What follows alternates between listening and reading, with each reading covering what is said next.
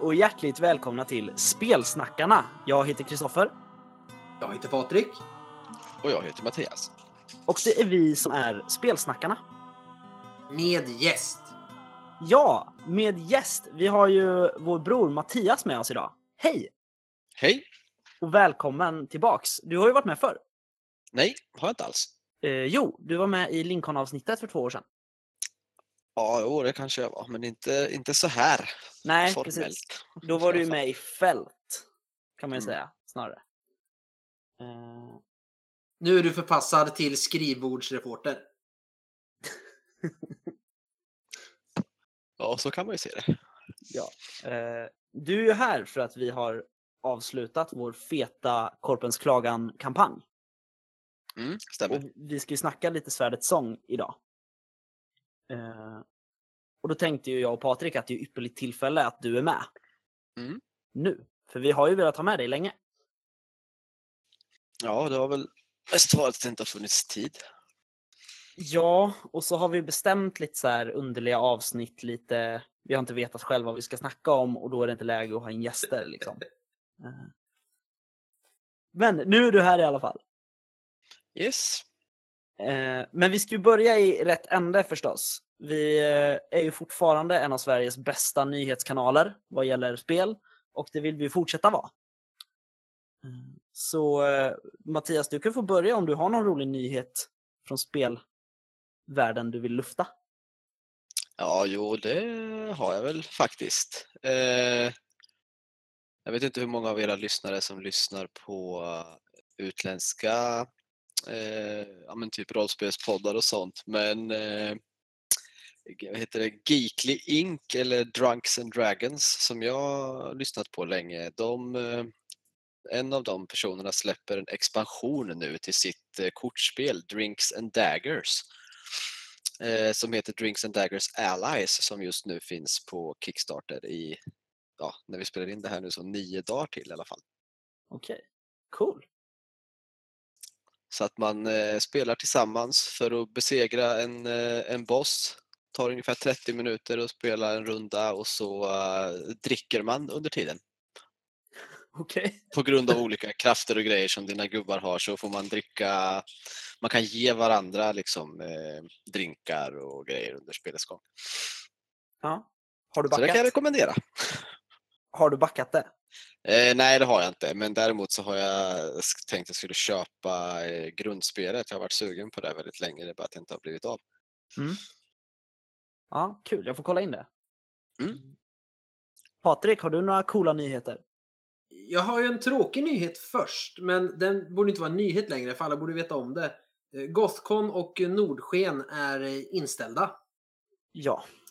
Inte flyttade utan inställda. Eller Gothcon är ju inte, för där använder man ju inte årtalet, utan det är ju vilket Gothcon det är. Så det är ju uppskjutet till nästa år. Men Nordsken är ju inställt. Mm. Eh, och det är ju tråkigt, men det är kul att se. Folk har massor kreativa lösningar på hur man kan göra det digitalt istället och det är ganska roligt. Eh, jag tror att Roll20 får ett eh, uppsving så här i karantäntider. Mm. Eh, men sen har vi roliga nyheter också.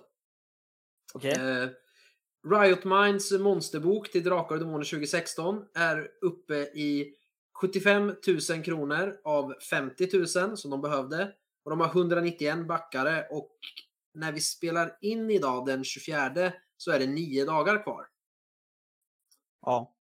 Eh, Och det är ju ett eh, Elric-omslag. Jag kommer inte ihåg vilken bok, men det är det som är med på Drakar och Demoner expertboxen blir omslaget på monsterboken. Mm.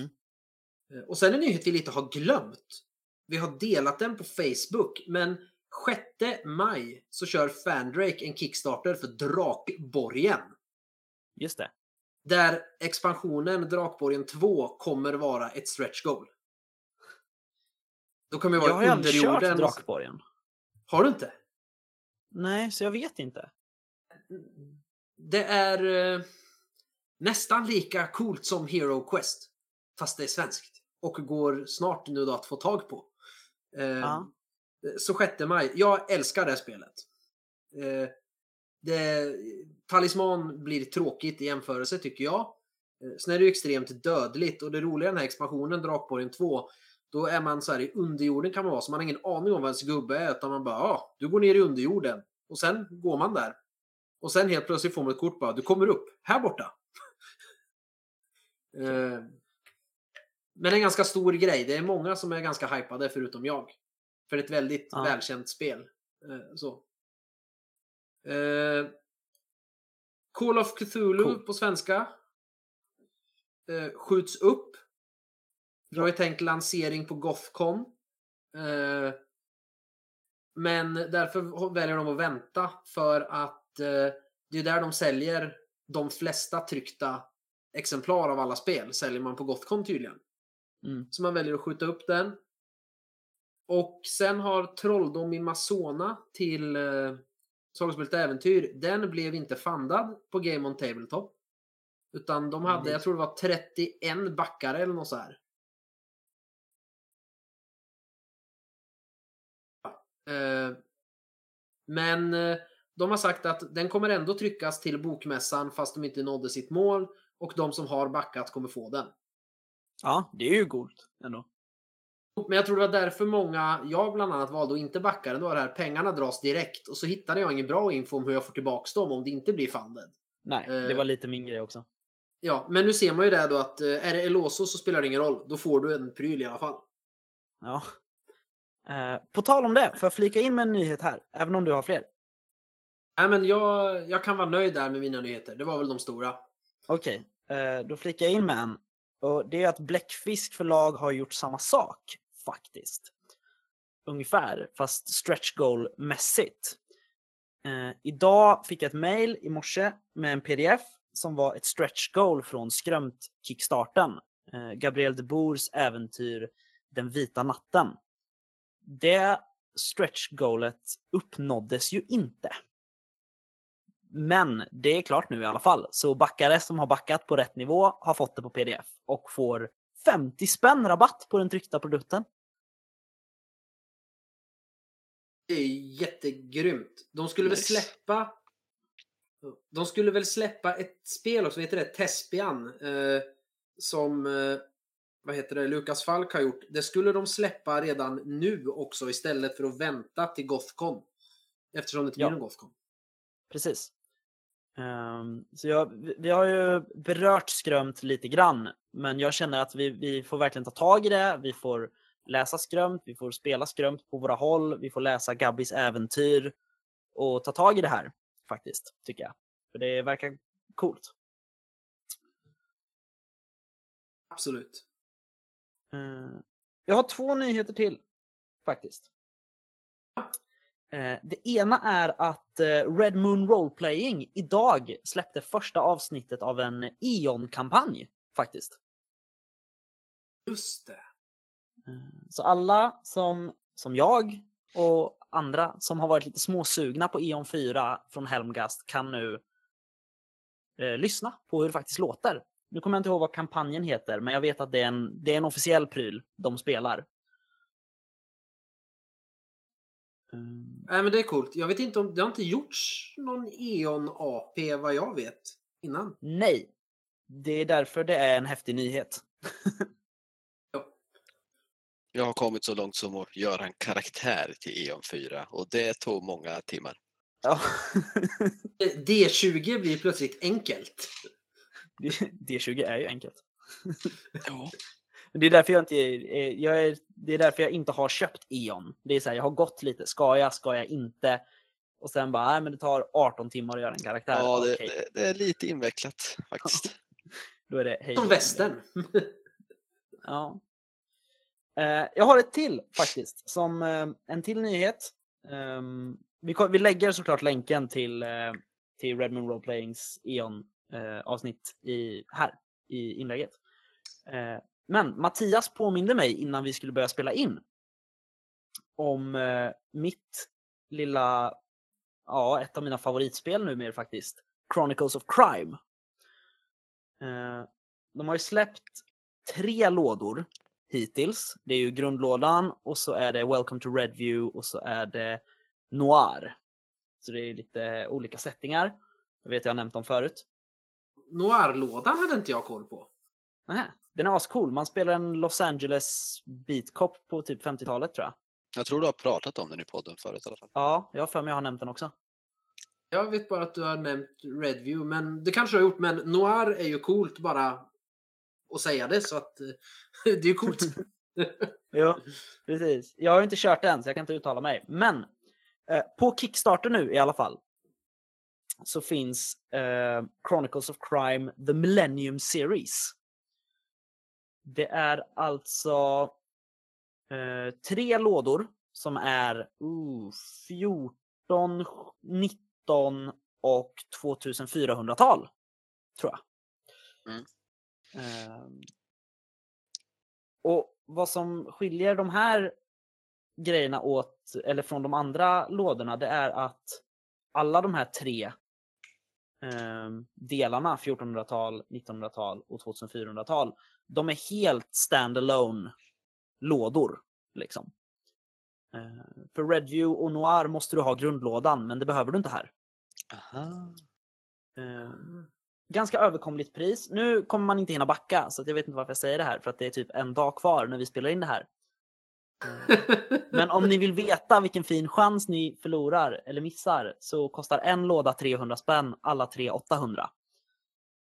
på Kickstarter. Men när ni, när ni kör det här, alltså nyheter betyder väl egentligen inte bara att det är Kickstarter-nyheter, så att det kan vara kul för folk att veta ändå. Ja men absolut, alltså det händer ju. Den är ju uppe i 785 procent så att det kommer komma de här lådorna. Eh, Så det är ju en nyhet att det, att det är ett spel som lever, vilket jag tycker är roligt för jag gillar det här spelet.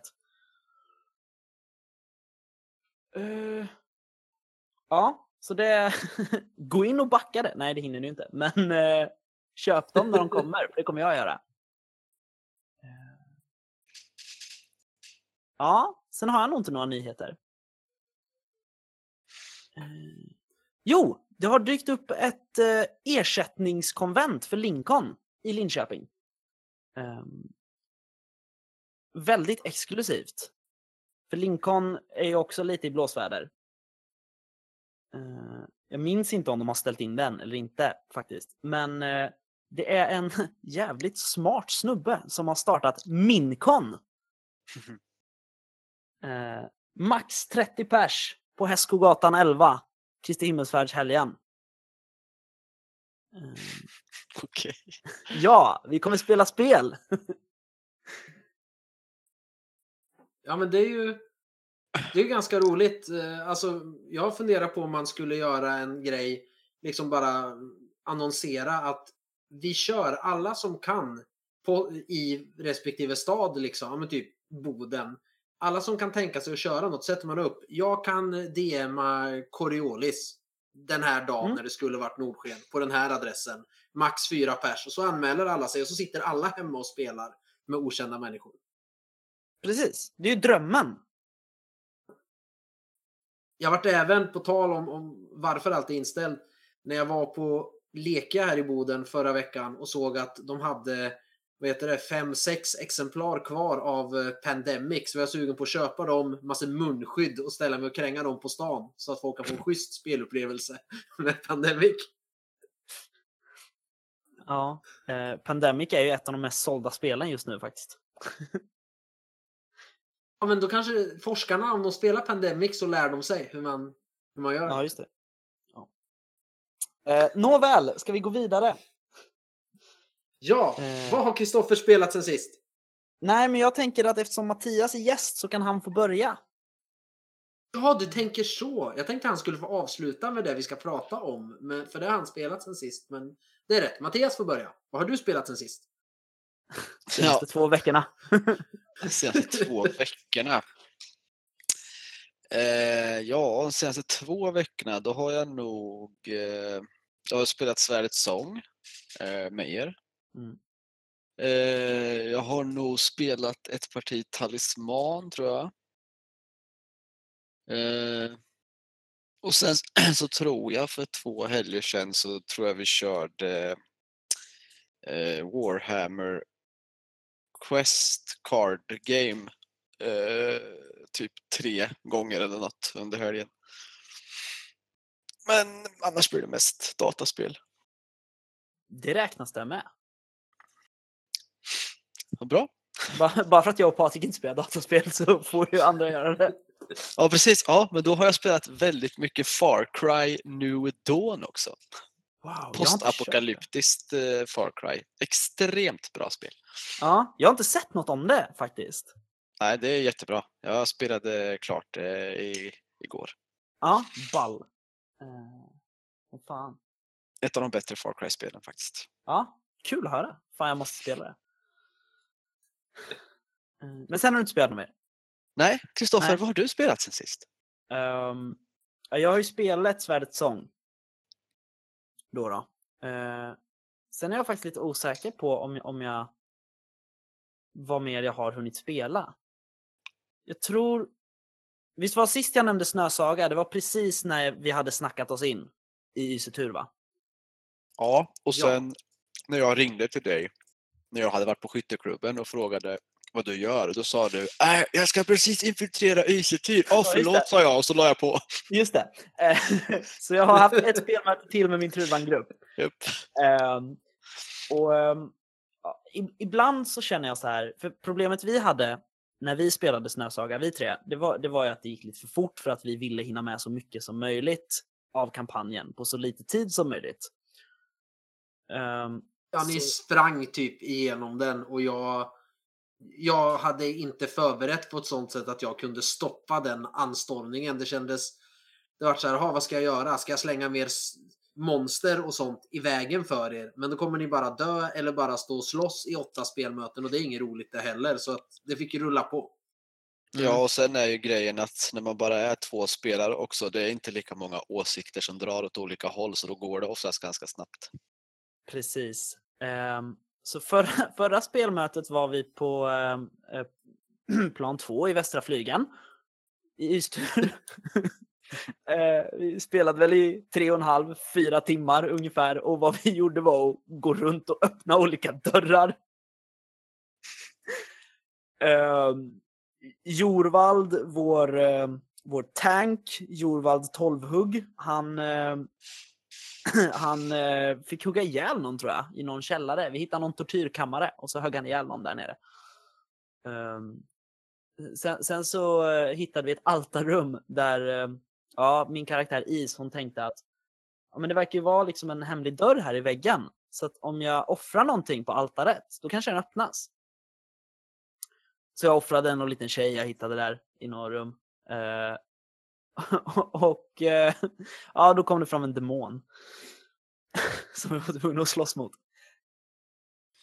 Eh, och, och ehm, ja, så det är lite där vi är nu. Och vi kommer nog, vi ska spela imorgon, är tanken. Om inte någon har eh, dött i eh, coronavirus. Men det tror jag inte någon har.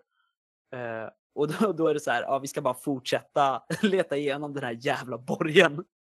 Men känner du att du får en helt ny spelupplevelse när du spelade den här gången med nya människor? Men ja, Mattias, jag känner verkligen att det är en helt ny spelupplevelse. Härligt. Eh, ja, för vi höll oss ju väldigt mycket på, på själva kärnstoryn liksom, när vi spelade, för att det var det vi ville hinna med.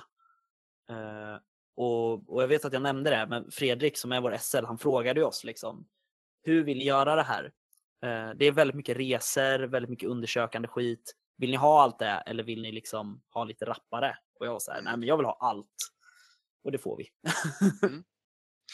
det är roligt. Ehm, sen har jag nog inte spelat mer, men jag har haft högläsning för, av uh, Ur varselklotet. Mhm, okej. Ja, ja, för en, en ny bekantskap kan vi säga. Eh, så har jag inte sagt för mycket och inte för lite. Eh, Mhm. som, som tyckte att varselklotet såg ju väldigt intressant ut. Vad är det för någonting? Och man bara, det här är det ballaste som finns. Eh, och så hade vi högläsning. Nice. Ja, så att eventuellt så ska det sättas ihop en grupp och så ska vi spela. Jag ska spelleda. Det kan bli kul. Kul. Ja.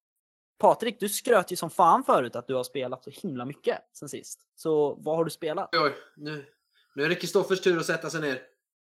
Eh, Ja, vänta, jag måste bara hämta en stol. Jag brukar stå upp när vi spelar in. Så. Eh, förutom att ha spelat Svärdets sång eh, med er så har jag spelat eh, Carcassonne med Alva och Sofia. Jag har spelat sex partier Lost Cities med Sofia. Wow. Jag har spelat Elder Sign med Alva. Det vart inte så stämningsfullt som det brukar, utan det vart ju mest... Men hon förstod ju det här med tärningarna i alla fall, så att då vart det ju enkelt. Det blev mest som ett Yatzy Ja. eh, för hennes del. Eh, och eh, nu ska vi se, det var nog mer jag har spelat förutom det roligaste. Ja, det är något brädspel till vi har spelat. Och sen i söndags, och det är därför vi inte kunde spela in, för jag fick möjligheten att åka till Piteå på middag och spela Gudasaga med min fru Sofia, hennes kompis Lotta och hennes sambo Daniel. Det var Kul. roligt. ja, vad bra att det var kul. Eh, ja, det var kul. Och eh, sen efteråt så ser jag att eh, det finns en snygg tavla med ett bildkollage av Simon Stålenhag, Flodskörden och Varselklotet. Så jag bara, oh, Simon Stålenhag. Åh, hans böcker är jättebra. Och så sliter han upp hans konstböcker. Jag bara, det finns ett sånt rollspel. Din sambo har spelat det med mig. Och han hade ju som inte spelat rollspel innan vi spelade Gudasaga. Så han bara, hmm, det här lät intressant. Ah, wow. Så du kanske får en grupp nu då, Patrik? Äntligen? Kanske, jag har inte riktigt tid alltså. Nej, okej. Skit i det Eh, då. Fan, är det bara jag som har tid med allt? Ja. Jag har tillräckligt svårt att få till att eh, spela in podd varannan vecka och spela med er varannan vecka. Alltså, jag tycker det här är så jobbigt. Jag, jag skulle ju, jag har ju mest tid av oss allihopa. Jag skulle ju kunna ha tio olika spelgrupper och fortfarande ha fritid och göra saker hemma. Det är bara att jag Ja. inte har några spelgrupper. Nej, jag har ju 12 spelgrupper som jag spelar med ändå hyfsat återkommande. Och jag har ju ändå massor kvällar när jag sitter hemma själv. Ja, jag vet. Och ändå när du bara hade sju spelgrupper så bad jag dig om att sätta ihop en spelgrupp. Men det hade du inte tid med. Nej, inte då. Och så har du tolv nu Ja, jag vet. Förlåt. utan att tänka på mig däremellan. Ja. Så kan det gå. Men, men. Eh, vi har alla spelat jättemycket i alla fall. Eh, Mattias vet jag håller på och skriver coola grejer. Eller typ. Du håller på och gör coola grejer i alla fall. Och det räknas som att ha skrivit. Tycker jag. Vad har du skapat sen sist? Ja, jag har ju skrivit ett figurspel. Ja. Så att jag har ju definitivt skrivit. Ja. Vad är det för Ehm, figurspel? Vad det är för ja, alltså, vad ska man säga? Det är ju inget... Eh, det är inte som Warhammer och så här direkt. Det är ju liksom inte ett eh, ja, men, ta så här många poäng, bygga en armé och spöa skiten ur varandra. Utan det är mer eh, ett eh, äventyrsspel som fokuserar på spelarnas... Eh, liksom, ja, spelarna väljer en karaktär och sen så spelar man i princip kampanjspel i form av mindre scenarion. Mm. Och så blir karaktärerna bättre, man ska hitta skatter och lite allt möjligt. Och sen har man som en hembas liksom sin by som man kan bygga upp och greja lite. Eh, och så håller jag på just nu och skapar massa terräng och grejer till det där. Just det. Det här låter ju lite som en återgång nästan. För att det var en massa snubbar som spelade med tennfigurer, så här krigsspel. Sen bara hmm, vi namnger våra hjältar och liksom berättar vad de gör. Och skriver lite regler som vi kallar för chainmail. Oj, och så blev det något som heter Dungeons and Dragons. Och nu gör du ett spel som liksom backar tillbaks verkligen till ursprunget av rollspel egentligen. Har du tänkt på det? Ah, Jag vet inte om jag håller med direkt, men Äh, För det låter ju lite som allra tidigast eh, Dungeons and Dragons, alltså innan det släpptes liksom, utan när man tog fram det. ja, det beror ju på hur man ser det, men det går väl att hitta den vinkeln också. Mm. Det blir nästan lite, lite intrycket jag har fått av Ruin Masters också. Eh, alltså Riot Minds spel som vi har tjötat så jävla mycket om. Eh, det, det är ju liksom ett, det är ju ett grottkräl fast det är ett brädspel. Som är ett figurspel. Och så har man stats Som- sina karaktärer. Ja, precis. Som, som, som ett rollspel. Ja, Typ. precis. Ja. Eh, Ja, nej, men du har, ju, du har ju skickat bilder på terräng och sånt du har gjort. Det är ju asball. Jag vill jättegärna spela någon gång. Ja, jag skickade en film också och du bara jaha, var det ett hus här? Var det en film? Ja, nej, jag såg bara att det var en bild. Jag bara, ja, men det var du bara, åh ett skelett. Ja. Ja. Eh, Ja, men kul. Det, vi, eh, vi kommer väl snacka om det mer sen när jag har fått spela det. Tänker jag. Ja, det tycker jag. Patrik då? Vad har du skrivit sen sist? Ja, jag satte mig för några dagar sedan och började liksom, nu ska jag skriva klart första delen till min Troubleshooters-kampanj och säga åt Christer att läs det här nu innan jag fortsätter och säg om det funkar. Som det Mm. står nu. Sen mitt i det där flowet så hittar jag att oh, de la till ett nytt dokument igår här. Riktlinjer för frilansare. Typ så här 19 sidor eller vad det var. Och så började jag läsa det och bara shit, jag måste skriva om allt. Och då gick proppen ur. Eh, Ja så, så jag ska ta tag i det där och, och en, jag ska skriva klart det först som det är. Och sen ska jag ändå, sen ska jag väl ändra vissa saker. Eh, men det blir inte lättare av att man inte är van och, med språket på svenska, alltså den typen av riktlinjer från ett förlag. Och så är det dessutom på engelska. Jag satt och letade efter eh, typsnittet italic i typ en timme.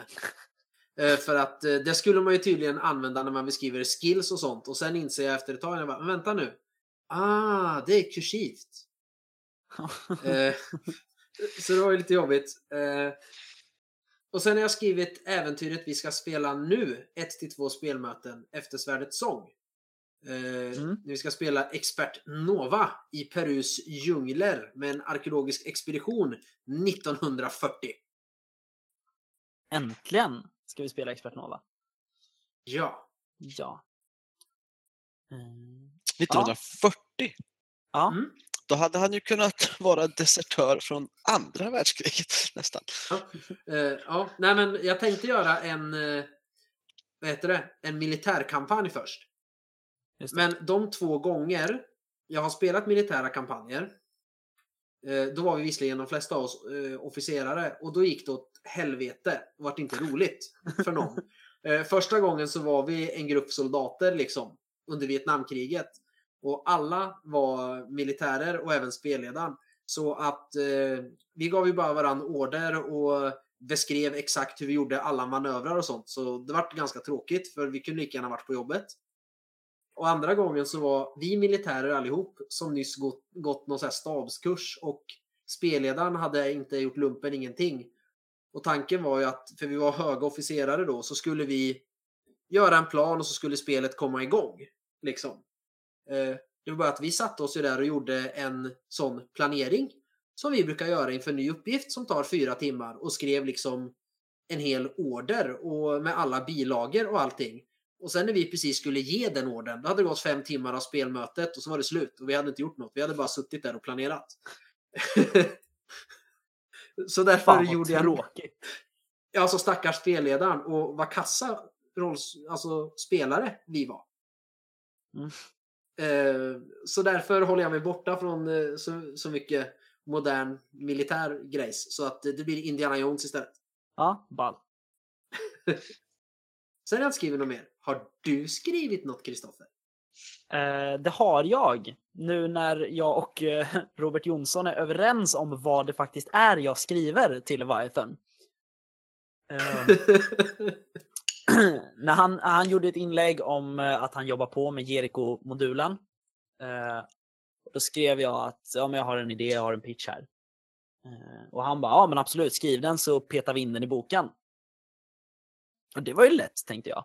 Eh, så jag började ju skriva. Liksom. När jag var uppe i så här sju sidor efter, efter en dag så eh, då skrev jag till Robert liksom, och bara tja, du, eh, det här med akter och scener, liksom, hur noga är det med så? För jag är inte så van vid att skriva på det sättet.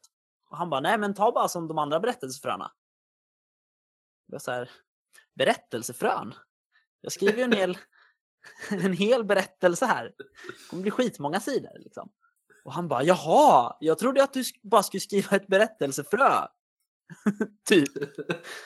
Och jag sa, ja, nej, nej, det är en hel berättelse. Ehm, Och, eh, men men det, var- det var inget problem, så den ska ju tydligen in i Jeriko-boken nu, vilket är ashäftigt, tycker jag. Jag har Ehm, jobbat mycket med Leviathan nu alltså. Ja, precis. Jag har ju det, det vilket är jättekul. Alltså, det, det första det kom ju i eh, Under ytan volym 2 som släpps. Jag vet inte, jag har inte fått något släpp på det än, men jag vet att det har skickats iväg till förlag i alla fall. Um, och så blir det ju då berättelsen Trimalchio till um, Jeriko-modulen sen. Um, det ska bli riktigt, riktigt kul faktiskt. Och jag har hört rykten om att Robert har planer på att spela den berättelsen med en Leviathan-grupp. Kul. Ja, verkligen. Han har sagt att han ska spela in det så jag kan få lyssna på hur det går sen. Det vore ju ball. Eh, har jag skrivit något mer? Jag tror inte det. Ehm. jo, jag har börjat peta lite på en, en Drakar och Demoner eller ett Drakar och Demoner-äventyr som ska följa upp eh, mitt äventyr Stormöga. Mhm. Lite grann. Jag tänker att det ska bli en tredelad kanske. Oklart. Ehm. Men det ska bli lite mer i alla fall. För att man vet ju fortfarande inte vad den balla artefakten man ska hämta faktiskt gör eller var den kommer ifrån. Så jag känner att det kanske måste göra en del två. Jag har inte ens läst Stormöga. Va? Finns på Riot Minds hemsida. Ja, men han vet. Att läsa. Ja. Eh. Alvaro Tapia har gjort omslaget. Det är rätt ball. Ja, jo, det, det vet jag. Ja. Eh. Men ja, nej, det är väl det jag har skrivit. Så. Och det var nu Patrik, du tänkte att Mattias ska berätta vad han har spelat sen sist. Ja, så han kan säga Svärdets sång. Just det. Eh, nej, men vi, vi, eh, ja, vi är färdiga med Svärdets sång så här långt. Alltså kampanjen Korpens klagan är ju slut. Vi kanske ska sätta en varning här att ska man spela det här och ha svårt att hålla isär vad man har hört i en podd som spelare och vad ens karaktär vet eller om man bara blir överraskad så behöver man inte lyssna för vi kommer ju prata om kampanjen även om det kan se olika ut och är man spelledare så kan man väl lyssna hur mycket man vill. Ja, eh, och då annars när vi har spoilers så brukar vi råda att hoppa fram en minut eller två. Nu skulle jag säga lyssna inte på resten av avsnittet om du inte vill veta saker om Korpens klagan. Sen kommer vi prata om Svärdets sång lite grann också om själva spelet men som sagt hoppa över om ni inte vill spoila den. Ja. Eh, nu har ni blivit varnade. Eh, då vill jag höra lite nu, Patrik och Mattias. Vad, hur känner ni liksom nu när kampanjen är slut? Eller alltså till, till kampanjen, tankar, funderingar? Ja, Du kan få börja Mattias om du vill eftersom du är gäst. Vad Ja, men, snällt. ja, ja.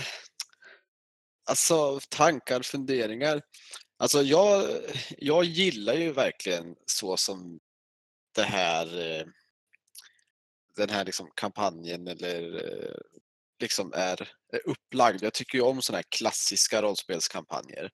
Det är så här, ja, det finns ändå ett ganska tydligt mål som visar sig någonstans mitt i liksom. Det är den här som är den stora dumma killen eh, ni behöver ha si och så här många grejer eller något för att, för att kunna ta honom. Det är någon som ska räddas. Alltså jag gillar sådana här klassiska kampanjer så jag tycker den har varit väldigt bra. Mm. Bara så generellt intryck liksom. Mm. Kul, för jag tycker tvärtom. Och det är därför det är så bra att vi fick med en gäst som jag vet ser annorlunda på, på rollspel än vad jag gör. Ja, väldigt annorlunda. Ja, för, för jag tycker precis tvärtom. Den är, alltså den är skitbra. Det är inte tal om det, men jag har som varit tvungen att istället hela tiden, okej, vi hör ju sägner om den här jädra trollkaren hela tiden. Det är ju det som är själva kampanjen. Så här, vi, vi måste ju slå ihjäl han e-, eller någonting. Hur fasen ska jag motivera och få min rollperson att förstå det? För att det finns ju inga tydliga mål. Man liksom, ja, ah, din by är släppt ur dimman. Ge, ge dig ut i världen. Och så vandrar man runt där och sen har det ju bara varit att den har aldrig varit så tydlig tycker jag som eh, Spindelkungens pyramid. Gå in i pyramiden. Do your shit och gå ut igen. Ja, nej, men det är också det jag tycker är bra med den här. Alltså, de här klassiska delarna finns ju i det här samtidigt som att de har en väldigt egen take, alltså som Fredligan oftast har, precis som med MUTANT. Liksom. Det finns en main plot bakom allting. Men samtidigt så finns det en så stor hel värld att bara utforska liksom och så successivt lite då och då så kan spelledaren lägga in de här ledtrådarna. Här är det ju i form av alla sägner och grejer och ja, spoiler, men eh, som i MUTANT då, där man liksom, ja men okej, just eh, idag nu då när vi har spelat tio spelmöten, då lägger jag in en av ledtrådarna till Eden. Och liksom alltså, jag, jag gillar verkligen hur de gör med, med sina spel. Mm. I just den Det är här... också- Eller förlåt Kristoffer, fortsätt. Nej, jag, ta du. Det är ni spelare som pratar nu. Ja. Jag kan ta mitt sen. Eh, Jag tycker framför allt det man märker det är att det är Erik Granström som har skrivit den. För att ja, det, det är lite sådär som i MUTANT, precis, precis som du säger Mattias, det håller jag med om. Men här är det inte på den nivån, utan här lyfter vi det en nivå i det politiska och backstabbingen. Och nu när jag faktiskt har läst boken så är det så här, det står jätte, jätte massor i början om eh, den här demonkillen, tjejen, eh, dennen, eh, Merrigal och sånt där. Som bara är för att spelledaren ska förstå och kunna spela det här bra. Och det står om alla maktspelare och deras drivkrafter och, och, och allting. Och en bra spelare kan göra mycket med det. Och det tycker jag hur framförallt alla spelledarpersoner som är viktiga för kampanjen. Där märker man att det är Erik som har skrivit. Tycker jag. Och det är mycket hans förtjänst. För att de har feta bakgrundspapper eller historier. Nej, inte att de är feta utan hur de hur de är beskrivna. Inte mängden text utan hur och, och, och drivkraft. Och det tycker jag andas i kampanjen. Och sen flörtar han medvetet eller omedvetet. Jag hoppas det är medvetet. Med, med, andra grejer han har skrivit eh, på vissa ställen. Eh, vissa äventyrsplatser, tycker jag. Mm. Eh, grejen är att det är ju så det är. Jag, jag håller med i båda två. Alltså väldigt mycket. För att just den här uppbyggnaden att kartan är, är så öppen. Att kartan är liksom ett slumpspel i sig självt. Det här att äventyrsplatserna som det ju är. Det är ju inte liksom, det, kartan är ju inte färdig. Utan man Nej. placerar ju ut äventyrsplatserna beroende på var ni befinner er någonstans, hur bråttom jag tycker att det är att komma vidare och så va. Eh, har, ni har ju besökt långt ifrån alla äventyrsplatser när vi nådde slutet.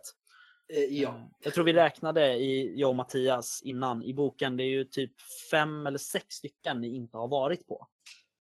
Ehm, men, men grejen är, och det är det som är att man behöver inte besöka alla de här platserna.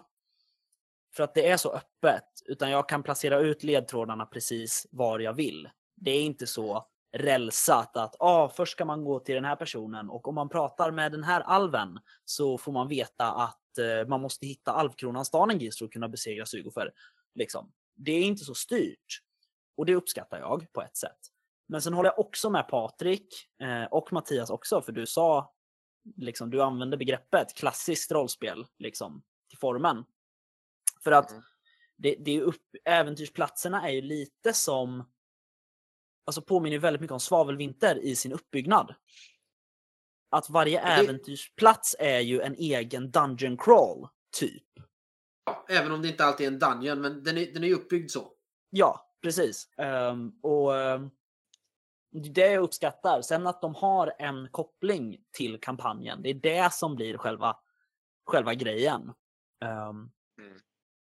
Och ehm, ja, jag tycker det är nice att det är så. Varje äventyrsplats är verkligen en äventyrsplats. Vi hade ju kunnat spela. Nu har vi lagt ungefär en äventyrsplats per spelmöte. Ehm, och så har ni gjort lite skit däremellan och sådär. Men man hade ju lätt kunnat stanna på ett par ställen. Många fler spelmöten.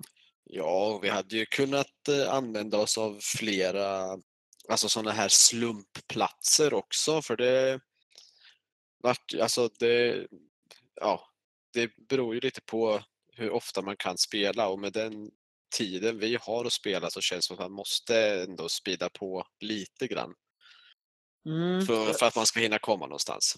Ja, jag försökte ju ändå låta bli att få det att kännas uppspeedat och, och Jo, hastigt. nej, det, jag tyckte inte det kändes uppspeedat men samtidigt så är det så här, jag vet ju själv eh, hur jag har spelat eh, ja, men till exempel när jag och Patrik började spela rollspel, då var det ju mycket liksom så här, gå och skrapa bark på varenda träd, Mm. peta på allting liksom för att eh, rollspel var så nytt och man ville pilla på allt. Och Mm. då var vi dessutom små, då hade vi tid att spela varenda dag efter skolan om vi hade velat liksom. Men eh, Ja, man kunde tillbringa ett fem timmars spelmöte med att beskriva hur man drack mjöd på en pub liksom. Ja, eller hur, väldigt detaljerade karaktärsbeskrivningar, lite sådana saker som jag saknar liksom, när vi spelar nu för tiden. Mm. Men nu när man ändå gör den här formen att vi har tid att spela liksom typ två timmar varannan vecka, då alltså även om man inte liksom pressar på stenhårt så måste man ju ändå, man kan inte sitta och diskutera en plan i två timmar liksom, för då händer det ju ingenting. Nej. Eh, och det är väl där jag tycker att formen på de här äventyrsplatserna passar. Just av den anledningen. Exakt, det var det jag skulle komma till egentligen. Ja. Förlåt, jag bara stal den. Nej då, det är lugnt. Men, men för det är ju, för varje äventyrsplats så finns det ju en rad förslag på händelser också. Och där står ju liksom de SLP-erna som bor där, där står deras agendor och det står vad de har för anknytning till, eh, ja, men till aslenerna eller till kriget med, med rödelöparna som är alverna. Eh, sådana, sådana där granströmska intriger Mm. eh, som jag bara inte pallar peta in i varenda spelmöte. Nej men de är så Eh. roliga att läsa nu när man har läst det. Och alltså de här slumptabellerna, de måste man ju använda för att de, de är ju så stört roliga en del av dem. En dvärg i en luftballong eller den här demonbagar halvlängdsmannen. Liksom.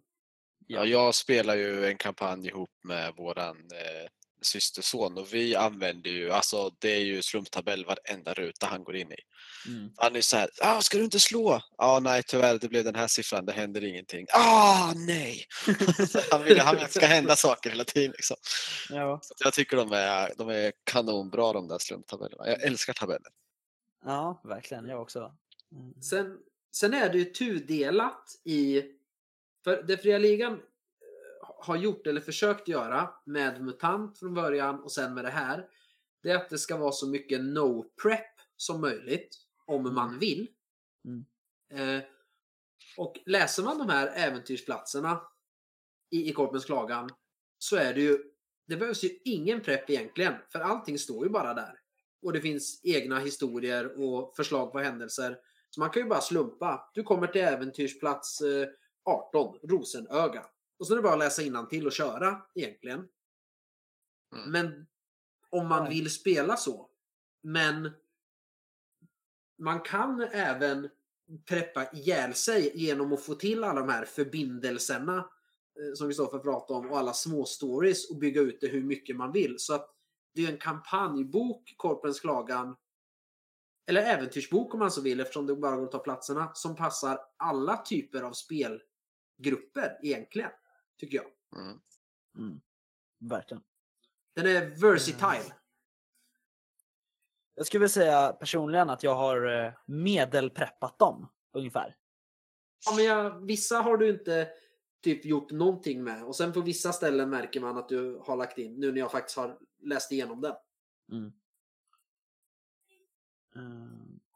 Men, men det, det, alltså det är intressant det där. Jag vill gå tillbaka till det där du har tjatat om så mycket Patrik. Att, du, att det är lite så här, det är lite vilset i kampanjen liksom. Vad är kampanjen? När spelar jag kampanjen? Eh, och Ja, hur det hänger ju- det ihop? Alltså, jag, jag, jag har ju läst grunden till spelet på boxen och i eh, regelboken under kickstarten. Så jag vet ju att det finns en ond trollkarl. Mm. Och jag som spelare fattar ju att han är ju någon skurk. Men Ja. det första som händer är att man får nys på den här kronan. Så bara en cool krona. Och sen bara, jaha, men då kan man ju bli kung kanske. Det vill jag bli. Och så försöka samla ihop de här rubinerna. När man har hört lite om dem. Och sen måste man på något sätt bara, hur ska jag komma till den här trollkaren? Och för det hände aldrig riktigt när vi spelade. Jag tror att man måste få till det där eh, bättre, särskilt om man har en, en ovan spelgrupp eller folk som, men som själva inte tar eh, mycket initiativ eh, eller sådär. Då måste man mer göra det. Som att man får ett uppdrag eller, eller någonting. Liksom, rostbröderna kom och slaktade hela din by när blodstimman försvann. Ja, du ska hämnas på rostbröderna och så tar man reda på saker om dem. Och då får man veta att man ska spöa trollkaren. Då behöver man forska om det och åka till olika äventyrsplatser och leta pergament. Och då får man veta det är bra att ha kronan om man ska spöa trollkaren. Till exempel. Det tror jag man hade tjänat. För hade jag, man... har, jag har liksom inte riktigt något konkret minne av när vi fick veta om den här trollkaren. Jag bara, helt, plötsligt ett spelmöte så började det Patriks karaktär och bara "Ja, vi ska döda trollkarl. bla, bla, bla." Så bara, eh, jaha, när fan fick vi veta att han existerar? Det var när vi träffade Ant-Man. Sartome, som eh, jag Ja, kallar Ant-Man. Ant-Man första gången. Ja, han är på omslaget. Ja, och... jag, jag, började nästan skratta det sista spelmötet där när han tog av sig hjälmen. Så när han tog av sig hjälmen, jag bara oh my god, Ant-Man. Jag trodde han var Man-Man, men han var No Man för han hade ingenting. Jag tänkte att han blev Deadpool helt plötsligt. Ja. Ehm, nej men grejen är att den där har varit jävligt lurig och grejen är att det finns en, ett förslag på en startscen i kampanjen Mhm. för hur man ska ehm, liksom introducera och så står det så här startscen. Men jag förstår inte riktigt. Det är inte en startscen. Det är typ en novell. Mhm. Eh, så att jag säger, nej men den här kan jag inte använda. Ja, här är någon köpman som säger någonting. Okej, och sen kommer den här demonen Merigal fram. Och jag säger, ja men det vill jag inte, jag vill inte introducera henne nu, utan jag vill vänta lite. Ehm, så jag, jag bara sket ju i den. Ehm, och det, jag, så jag, det är, det var en svår kampanj att liksom motivera, kan man säga. Mm. Men jag tyckte det gick väldigt bra ändå. mm. Men var Mergal den här kvinnan som satt fast ihop med Syrgofer? Eh, nej. Eller? Nej. Merigal var ju den här könlösa demonen som bjöd er på middag och gav er vapen. Ah, Som förklädde sig till barden Dalb som bodde i er by, En ny start. Just. Så någonting var det. Eh, och det, det är som sagt, det, det har varit svårt att motivera för att ni, era karaktärer har haft så mycket viljor. Eh, eller alltså så skilda viljor som inte Nej. har haft med rädda Ravland att göra. Inte min sista karaktär. Han hade snarare ingen vilja. Nej, verkligen inte. Eh, vill, vill ni berätta förresten om vilka karaktärer ni har spelat under kampanjen? Ja, jag började ju med att spela en, eh, en ryttare eh, som hette Halvar. Eh, som hade ett extremt tydligt mål. Eh, han, eh, hans bror hade ja, skylt ett eh, brott som han hade begått på, på honom istället så att deras pappa blev arg och så blev han utkastad i blodstimman. Eh, men eh, nå- sen några år efter eh, den här händelsen så eh, mördade även brodern deras eh, pappa och tog över deras eh, familjesäte. Eh, och då var målet för Halvar att han skulle samla ihop liksom en, en armé i princip och ta tillbaka faderns gård. Så det var där jag gick stenhårt på under den tiden han fortfarande levde. Mm. Och det var ju en äventyrsplats jag förberedde mycket. Ja, jag vet. Eh, Jag hade den- jättegärna velat se hur det skulle utspela sig. Eh, Jag också, men första ni var ju så här, ni bara, åh nu rider vi förbi den här gården, men vi har ju ingen armé med oss, vi fixar det först. Och sen dog Halvar innan de. Ja, i, i Lumragruvorna. Ja. Mm. Ehm, Men sen bytte du karaktär och då avslutade du kampanjen med en annan. Ja, eh, halva eh, dog ju, eh, men eh, det var väl till, eh, till Patriks lättnad tror jag, för han tyckte inte det var så kul att jag eh, hade en agenda som inte hade någonting med själva äventyret att göra. Eh, så att när jag skapade min nya karaktär Bark som var en svart alf, då bestämde jag att nej, han har ingen egen vilja, han gör bara som Patriks karaktär säger så behöver jag inte fundera på det mer. Så då gjorde jag det. Ja. Men sen så hittade jag en liten personlighet till honom i slutet att eh, även fast jag är, bara för att jag är liten så måste jag visa att jag inte tar skit från någon. Så han eh, spöar skiten ur ganska många människor de sista spelmötena. Verkligen. Uh, det, grejen är att det, det spelsättet är ju så här. Jag, jag skulle ändå säga att jag känner dig ganska bra, Mattias. Mm. Uh, och jag vet hur du spelar och sådär, för jag har spelat rollspel ihop i, vad är det, 11 år typ. Mm. Uh, men det, är ändå så här, det var ändå väldigt osäkert när du spelade Bark. Det var så här, ja. är, det, är det Bark som inte bryr sig eller är det Mattias som inte bryr sig? Är det Mattias som är less och inte vill spela mer egentligen utan han bara hänger på för att vi ska få spela? Precis. Nej, jag, jag måste mest... ändå ställa frågan. hade du kul när du spelade Bark också? var det roligt att spela rollspel? Ja, jo, alltså det hade jag ju. Men den största anledningen typ till att jag skapade honom var att jag var ganska less på att efter spelmötena så var Patrik så grinig för att jag inte ville följa kampanjen bara för att jag spelade min karaktär istället som hade väldigt mycket andra planer som aldrig någonsin hade hört talas om någon jävla trollkarl som man var tvungen att mörda. Liksom. Mm. Så det var i första hand därför jag gjorde Bark så. Just det. Eh, det är ju bra, skönt att höra.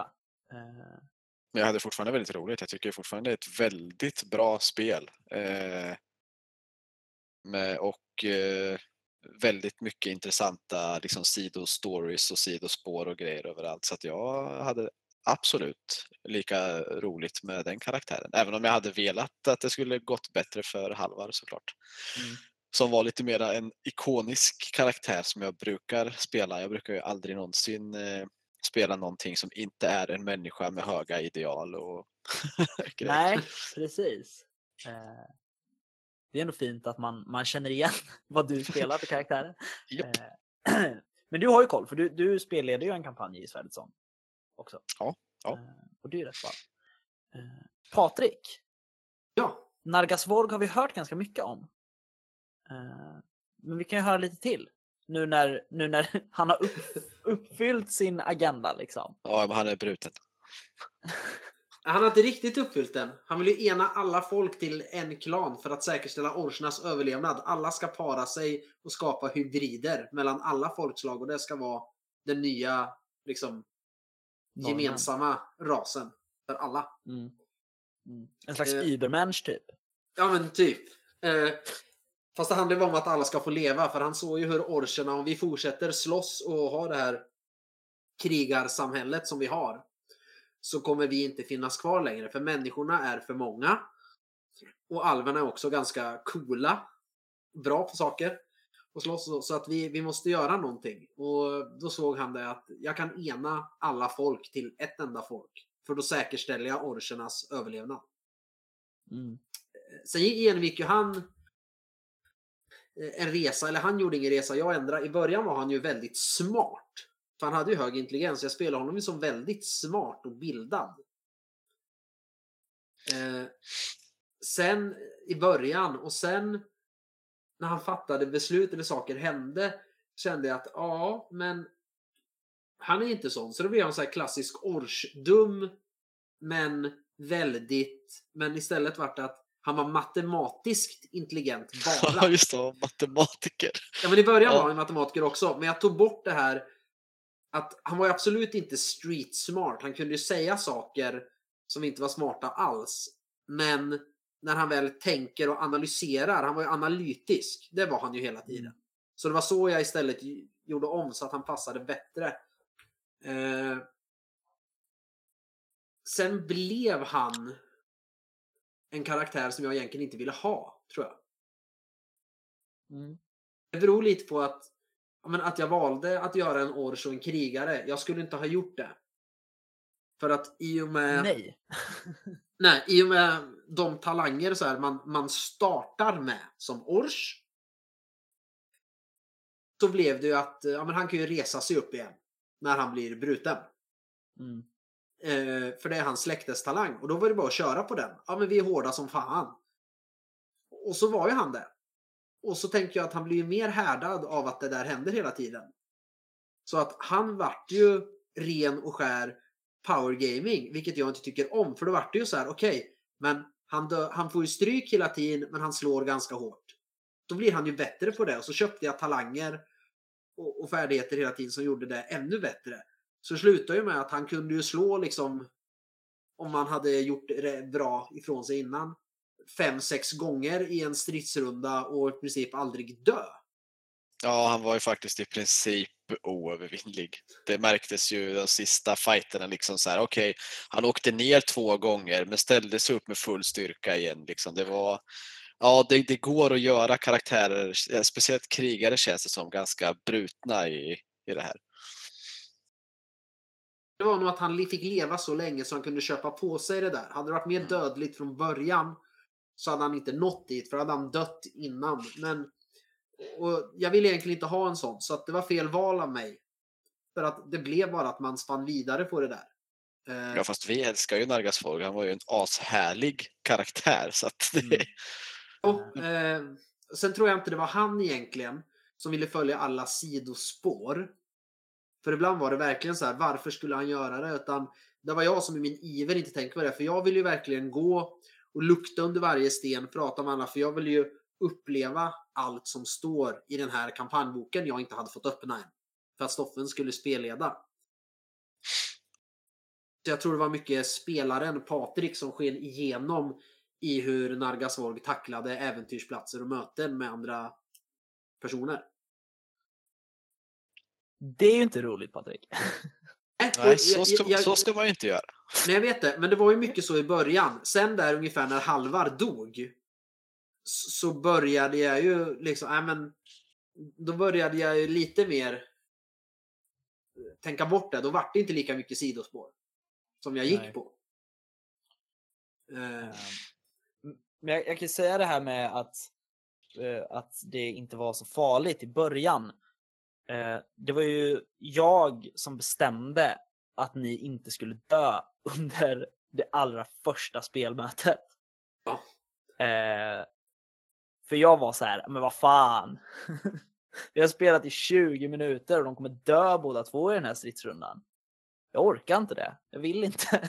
Nej, men det frågade ju du mig också, ja. eh, vet jag. Eh, när det var så här, ja, hur känner du? Liksom, så fan, jag vill ju inte döda era karaktärer. Liksom. Jag bara, nej men alltså om, om liksom reglerna gör så att jag dör, då vill jag ju att han dör. Mm. För att eh, om man tittar på eh, hur vi alltid har spelat rollspel och det här, vi har ju verkligen alltid spelat med alltså favor of the players liksom. Jo, är det. det är så här, man tar inte livet av någon bara på en så här skitsak, men jag, jag, jag är mer för att man dör eh, om det är en så här cool grej. Liksom. Att man, ja men fan jag går och offrar mig, jag ställer mig i porten och säger åt de andra att springa. Liksom. Men själv är jag ändå så att om reglerna gör så att jag dör så tycker jag att jag dör. Mm. Annars tappar man ju spänningsmomentet och det har ju det här spelet. Man, Definitivt. Man tror ju man ska dö i varenda fight när man inte rullar en enda sexa och motståndaren gör det. Så att... Ja, fy fan vad dåligt med sexor jag alltid slog när vi var i strid. Hela tiden.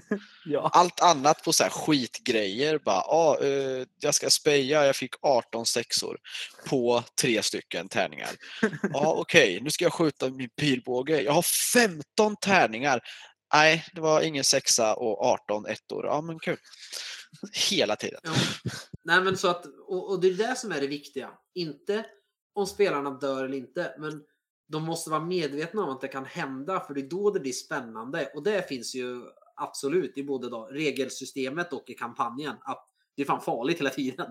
Ja, alltså det är ju en sak jag tycker är viktigt. Jag som eh, jag tycker ju om, alltså en av de största delarna för mig när det gäller att spela rollspel vet jag är precis tvärtom emot hur ni tänker.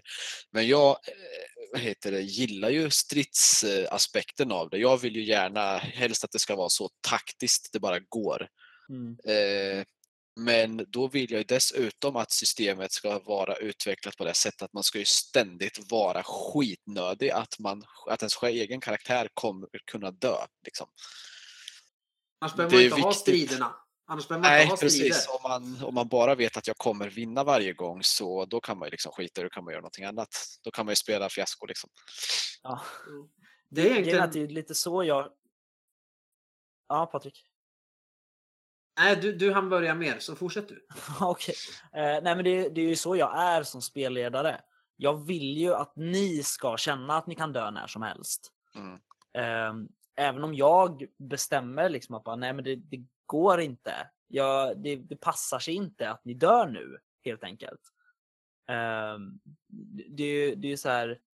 Tänk om, tänk om Aragorn hade dött liksom i Helms Deep. Mm. Av, av liksom, nej men han, eh, han tog ett snedsteg här för att han, han fumlar på rörlighet. Liksom. Eh, då hade ju inte resten av, av storyn kunnat hända. Eh, men det ska ju vara sådana scener, liksom lite suspens, så att det är så här, åh nej, tänk om de dör nu. Vad läskigt, vad synd om dem. Eh, men jag vill att ni ska överleva kampanjen. Så jag är ju väldigt så här, jag kan ju vrida på en tärning ibland. Eh, och så kan jag ju säga så här, nej men du blir bruten och så får ni slå på kritiska skador-tabellen. Men jag vet att oavsett vad som händer i nästa runda så kommer jag säga att ah, det kommer fram någon och trycker i dig en läkedrog och du får tillbaka ett i styrka. Eh, Jobbigt dock om man slår på kritisk skada blir det du dör. För den finns ju faktiskt på vissa av dem. Det är därför Ja. man köper nivå 3 i tursam, så att man kan välja vilket Ja, men då, då powergamar man ju igen. Lite grann. Jo, jag, jag vet, men det, det blev ju så. Eftersom jag hela tiden pressade mig för att bli bruten för att jag insåg att han är ju sån. Det har hänt så mycket så att Mm. han gör ju det. Han slåss ju tills han stupar och då blir han så jävla arg så han reser sig upp. Ja, och men det är ändå det jag gillar. Ja, vad ska du säga? Sorry. Nej, men och därför blev han ju sån. Mm. Liksom. Men det är det jag, jag gillar lite med alltså våran husregel. Eh, eh, som, liksom, det finns ju system som har den regeln, men verkligen inte alla. Men att vi i alla spel vi kör är så här, du får inte förbättra dig i någonting som din karaktär inte använder sig av. För då kan man egentligen på så sätt inte ja, powergamea som man säger. Eh, liksom, har, du, har du inte en enda gång på de senaste tre spelmötena använt några vildmarksfärdigheter, hur kan du motivera att du ska förbättra dig fem poäng i vildmark? Liksom? Eh, så det, det tycker jag är väldigt bra att vi alltid kör på det sättet. Mm. Jag, tänk, jag har en Ja. grej med, med spelet som sådant. Okej. Jag, jag tycker det är en bra eh, adaption av eh, Year Zero-motorn. Mm. Tycker jag. Det jag inte riktigt tycker om det är att stridsreglerna är ju, vad ska man säga, Coriolis-baserade. Mer än mutantbaserade. Eh, med långa, korta handlingar och alltså det finns, vad ska man säga? Det, det finns för mycket regler där istället för bara slå tärningarna. Lyckas du så gör du skada. Annars gör du inte. Det är ju lite så, men det finns massor så här till och från så man måste läsa massor sidor om man ska göra det helt rätt. Om det nu finns något sånt som rätt. Och det, det, det tycker jag inte riktigt om. Och då körde vi med de lätta stridsreglerna och inte med de avancerade. Ja, vi, vi körde ju med mutantreglerna i princip. För i Ja, MUTANT har vi princip. också lång och kort handling. Jo, vi, vi körde i princip eh, med det. Ja, sen så, det var ju därför jag och Mattias eh, började en eh, dd kampanj för att eh, Jag bara, jag vill ha mer taktik! Ja, men precis. Eh, jag var ju inne på att använda de avancerade stridsreglerna till Svärdets sång. Ehm, men eh, nej, det gick inte att kompromissa med det. Ja, men alltså, grejen, ja, men anledningen till... eh, Patrik sa ju också att han var okej med att vi kunde prova det. Liksom. Men grejen är ju så här att vi kan ju inte göra det på nätet. Nej, det blir lite svårt. För dels så har inte jag någon webbkamera och även om jag hade haft det så har inte jag kortlekarna. Så att då blir det ju inte det här slumpmässiga som det ska bli ändå. Liksom. Nej. Så att det funkar ju inte att göra det i alla fall. Och grejen är att det här spelet, eh, alltså vill jag köra taktiskt då, då vill jag ju spela DND där man liksom använder sig av rutnät och så här många feet ifrån eh, så träffar du med den här och liksom alltså då kör jag något sånt istället. Eller Edge of the Empire, det också, kan också bli extremt taktiskt. Mm. Uh, ja, men en fråga då till er. Uh, jag känner att vi börjar dra den här lilla, jag vet inte om det är en diskussion av kampanjen, spelet, karaktärer, vår spelstil, eh, vår spelarkrönika, jag vet inte vad det är. Precis som alltid när vi pratar om någonting. Ehm, men jag tycker det är bra, det vi har fått ut. Eh, det känns som att vi närmar oss slutet av det. Men vad jag undrar är, vi har ju pratat ganska mycket om omspelbarhet i podden. Eh, känner ni någon omspelbarhet i Korpens klagan? Skulle ni kunna göra nya karaktärer och spela kampanjen igen? Alltså på grund av hur jag eh, hur jag sätter mig in i saker i ögonen av en ny rollperson så ja, definitivt. Eh, och det finns ju platser vi inte har varit på och man kan lägga liksom alla ledtrådar och grejer på helt nya ställen och sådär även om slutet förmodligen kommer bli samma. Så ska jag definitivt kunna se mig själv kunna spela om den här med ny karaktär. Jag har ju spelat eh, Vildhjärta säkert fem gånger tror jag med fem olika karaktärer så varför mm. inte? Och så finns det ju, det finns ju äventyrsplatser i grundboken, eller i boxen också, och så finns det ju Quetzals torn. Mm. Eh, som är, vad är det, fem äventyrsplatser till liksom. Som man lätt kan väva in i den här kampanjen. Och jag, jag ser inte att slutet nödvänd, nej, jag ser inte att slutet nödvändigtvis måste bli detsamma heller. Vissa nej, personer det är klart som, det går att ändra nej, på. Ja, vissa personer som hjälper en eh, när vi spelade nu eh, kan man ju ändra det kanske är så att eh, Sygofer, eller Sutera då, eh, skurken, egentligen är slav under någon av de två stora demonfurstar, om man får kalla dem så, som finns i kampanjen. Och egentligen bara behöver hjälp att bryta sig fri för att rädda Ravland. Jo, jag håller med där. Jag håller med där då. Men det Kristoffer frågade var ju om man skulle kunna tänka sig att spela om den här kampanjen. Om man gör om den och grejer, då blir det något helt annat. Så då spelar man ju inte om den egentligen. Ja. Jo, nej, men jag försöker se det från flera håll. Ja, man kan absolut spela exa, alltså samma eh, kampanj, men, med, men besöka vissa andra äventyrsplatser. Men i och med att det är beskrivet så bra med agender och just det som den är, så kan man bygga med hjälp av samma liksom, bok så kan man för spelarna också bygga en helt annan kampanj. Ja. Med de element som finns. Så att det är definitivt omspelbar på, på mer sätt än ett. Ja, och slutet var ju, var ju faktiskt ett resultat. Jag vet inte om ni tänkte på det, men det var ju ett resultat av en grej ni gjorde för många spelmöten sen. Eh, när ni var i Lumragruvorna och eh, tog en, en liten ja, medaljong med en hårlock i. Som ni lämnade tillbaka till eh, Sartome som ni allierade er med. Mm. Och han kom ju till er hjälp och använde den här eh, hårlocken för att avsluta det hela. Så att det, det är ju liksom eh, alla sådana grejer som, som, jag tror det är en lista med typ så 20 punkter eller något sånt där med möjliga slut. Ja, då så, då går det definitivt liksom. spela om det. Eh, ja. och det jag, jag valde ju inte ur listan, utan jag så här, ja men här har de ju hamnat. Det har ju lett fram till det här slutet nu. Mm. Ja, det går, men jag menar hur, hur känner ni personligen? Ja, nej, jag skulle absolut uh, kunna spela om den här.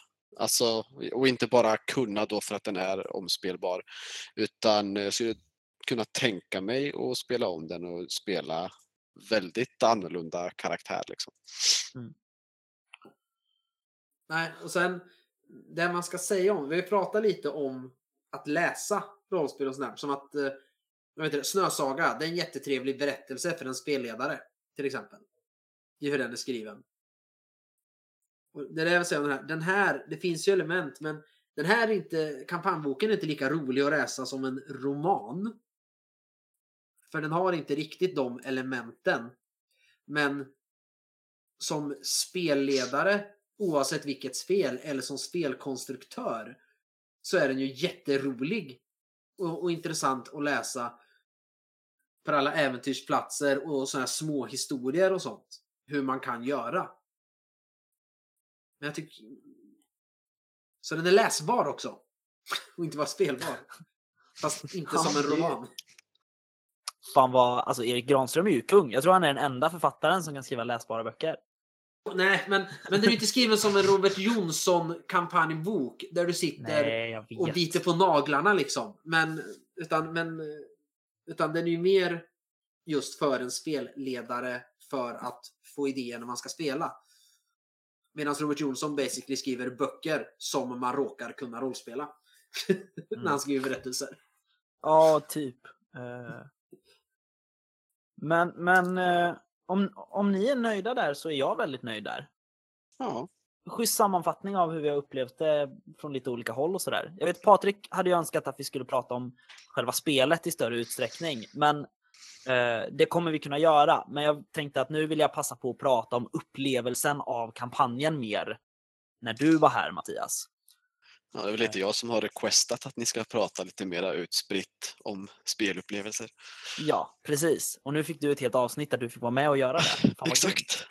Eh, nej men så det här med att prata om spelet, liksom, regler och, och mer om det, vad det liknar, vad det inte liknar och så vidare. Det kan vi ta i ett annat avsnitt. Eh, men det här tyckte jag var, var intressant.